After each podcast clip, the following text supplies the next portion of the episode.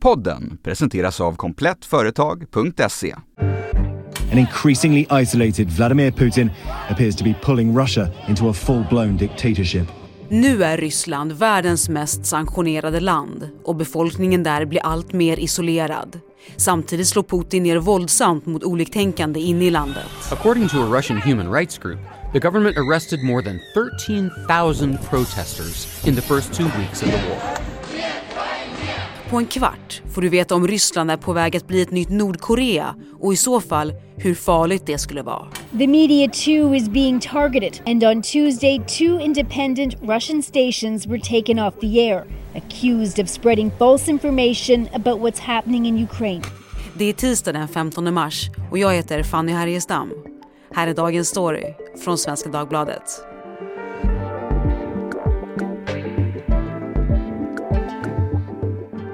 Therese Larsson Hultin, utrikesanalytiker här på SvD och Martin Krag, biträdande chef för Centrum för Östeuropastudier och seniorforskare vid UI och även författare till den aktuella boken Det fallna imperiet, Ryssland och väst under Vladimir Putin. Martin, om vi börjar med dig. Du har ju ett stort eh, kontaktnät inne i Ryssland. Vad berättar de som du känner där? Det beror på mycket eh, vem man pratar med. Sociologiskt kan man säga att det är tre grupper. Eh, den ena är de som faktiskt tror än så länge på det budskap som Eh, Kreml har och det som statsmedierna följer.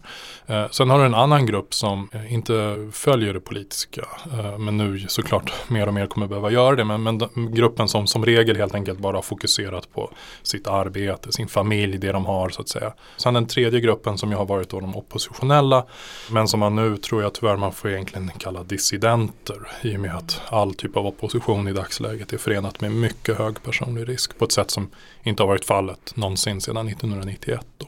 Så eh, det beror på som sagt vem du pratar med så får du liksom olika bilder. Jag har i min bekantskapskrets de som försvarar det som händer nu i Ukraina. Så är det när man jobbar och har att göra med Ryssland. Finns det någon känsla som lyser igenom hos eh, alla de här liksom, i olika samtal som du har?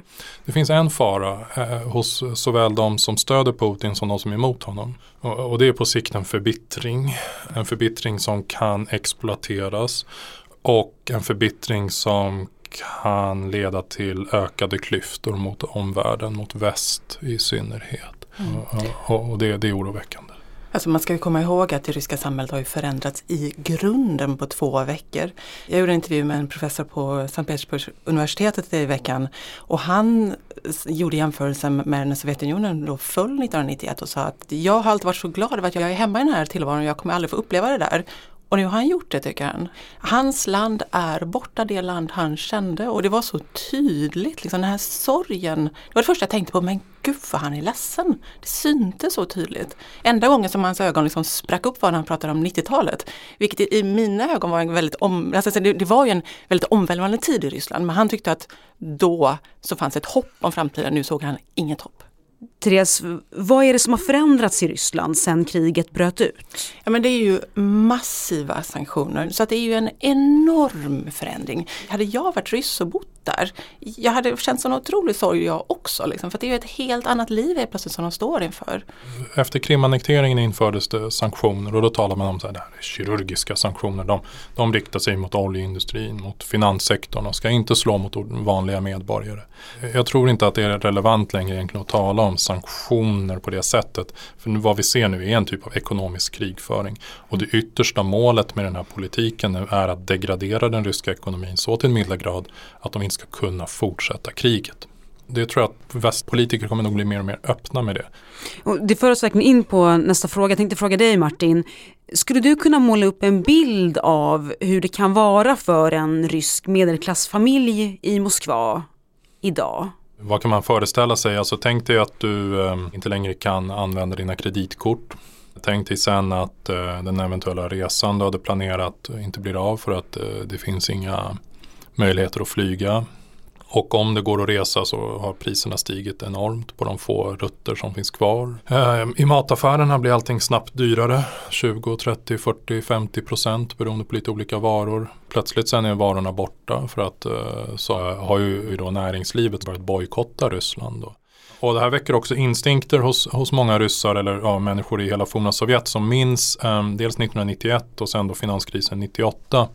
Och, och, vi ser samma mönster upprepas och det är att folk börjar hamstra. Vad som händer nu är att rubeln har börjat falla. De ryska myndigheterna försöker bromsa någon typ av kris eh, men krisen går inte att stoppa. Så eh, i vanliga fall om de inte hade gjort någonting, ryska myndigheterna bara suttit på sina händer, då hade börsen kollapsat och rubeln hade fortsatt att falla.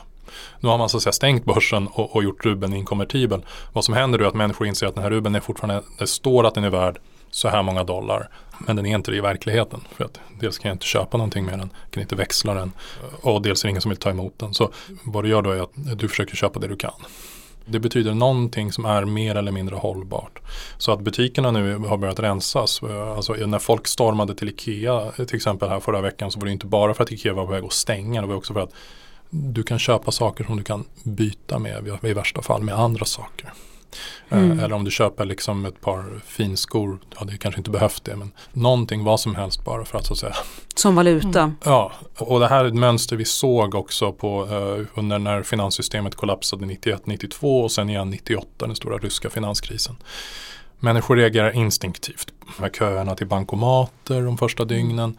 Uh, människor försöker ta ut kontanter för de förstår att bankerna kan komma att stänga luckan helt när som helst. Mm, och sen så är de oberoende medierna nästintill nedstängda också nu. Eh, mm. Och det, du kan hamna i fängelse upp till 15 år om du använder uttryck då som mm. krig eller invasion om den specialoperation som Kreml vill att ska heta i Ukraina.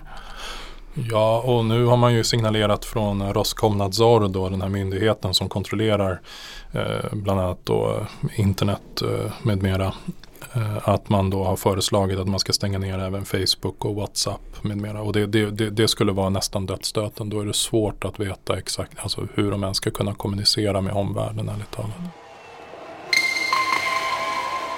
Never in my life could I imagine that there would be such a wild, wide open, democratic, free speech kind of celebration as there is tonight here in Moscow. Midnatt i Moskva nyårsafton 1999. Fyrverkerier sprakar på den svarta himlen och tusentals ryssar har samlats för att skåla på det legendariska Röda torget. Happy New Year, Peter. Happy New Year to you, Mark. Det är en natt av fest och en natt av stora politiska förändringar. Ryssland tar avsked av det turbulenta decennium som följt på Berlinmurens fall och tar även avsked av landets första folkvalda president, Boris Jeltsin. Jag I ask forgiveness for not fulfilling some of the hopes of the people who believed that we could, in one swoop, in one leap, jump from the grey, stagnant, totalitarian past into the radiant, wealthy, and civilized future. Bara några timmar tidigare har han hastigt avgått och lämnat över presidentposten till premiärminister Vladimir Putin. Дорогие друзья, сегодня när den forne KGB-agenten Putin håller tal på nyårskvällen understryker han vikten av demokrati, fria medier och yttrandefrihet i ett modernt Ryssland. Свобода слова, свобода совести, свобода средств массовой информации.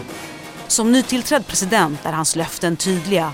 Ryssland ska bli ett stabilt land med inflytande i världen och ekonomisk trygghet på hemmaplan.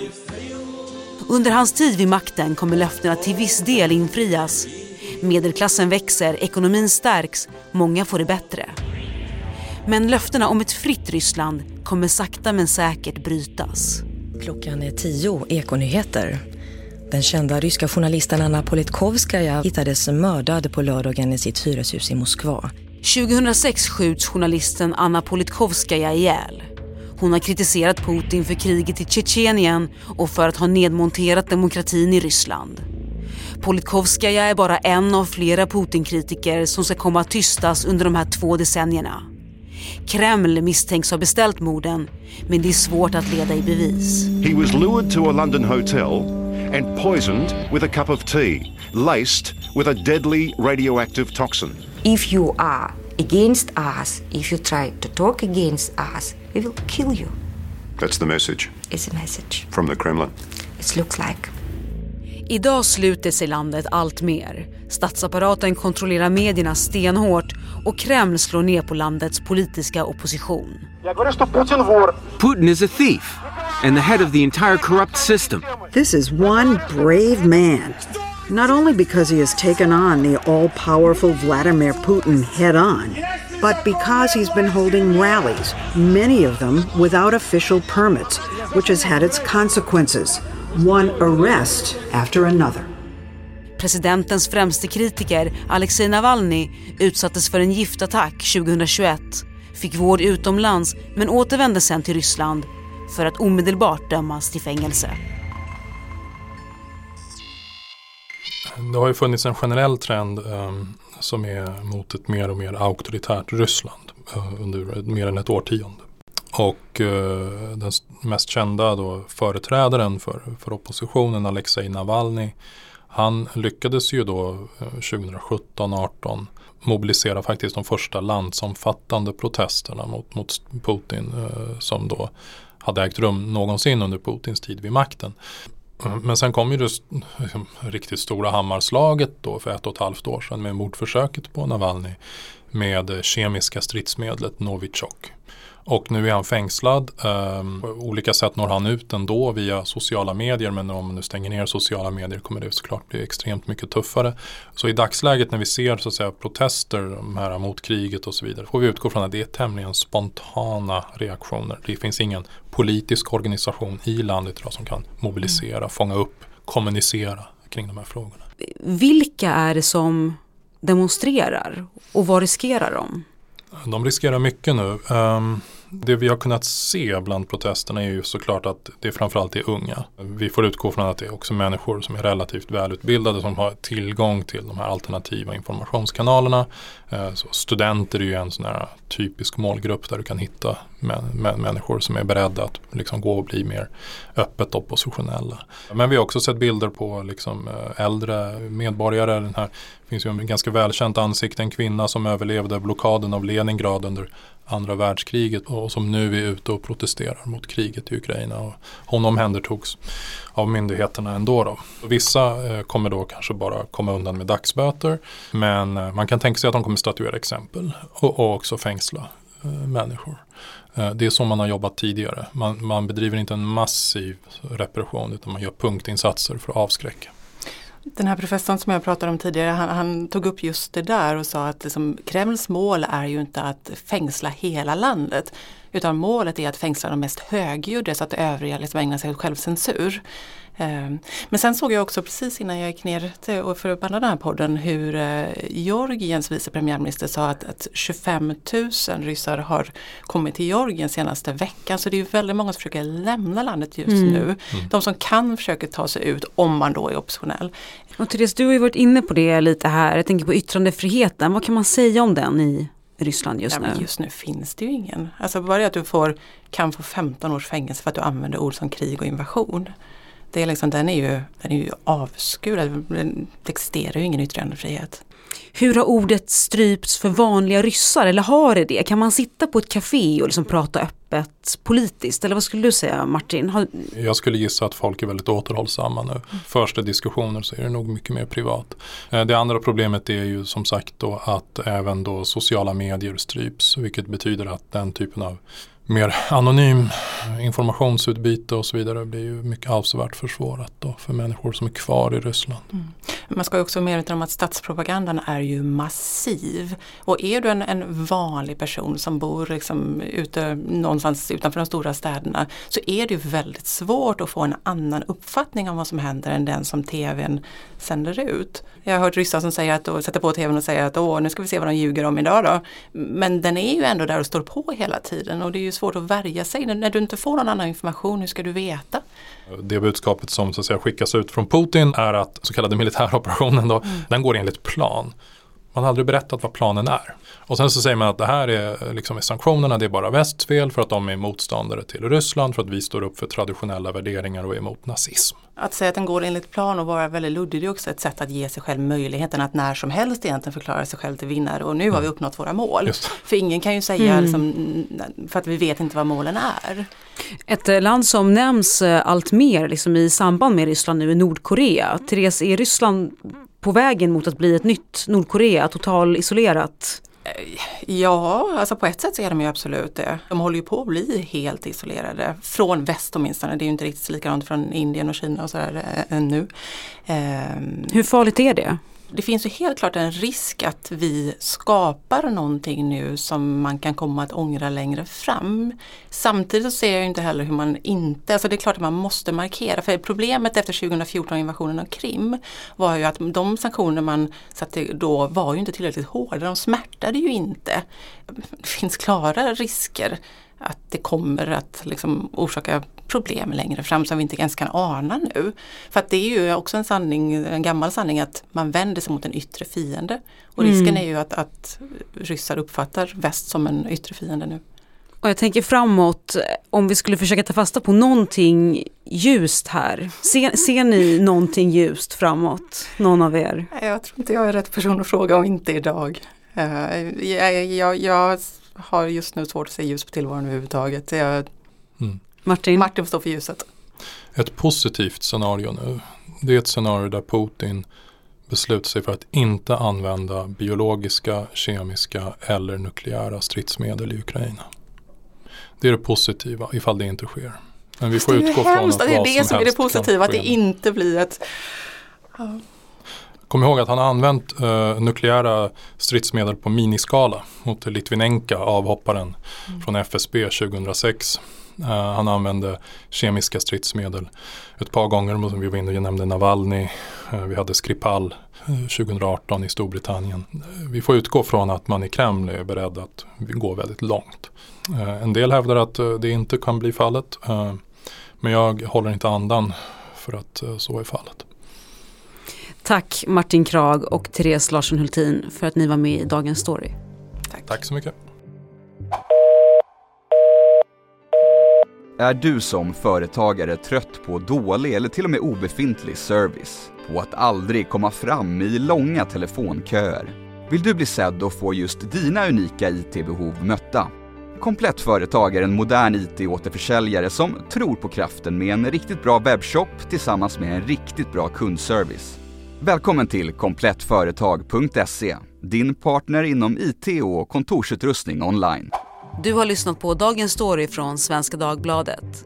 Vi som gjorde programmet idag är producent Kajsa Linderoth, redaktör Erika Hallhagen och jag heter Fanny Härgestam. Vill du kontakta oss så mejla till dagensstory.svd.se. Klippen idag kom från ABC, CBS, BBC, CBC, SR RT 60 Minutes och låten 1999 av Prince.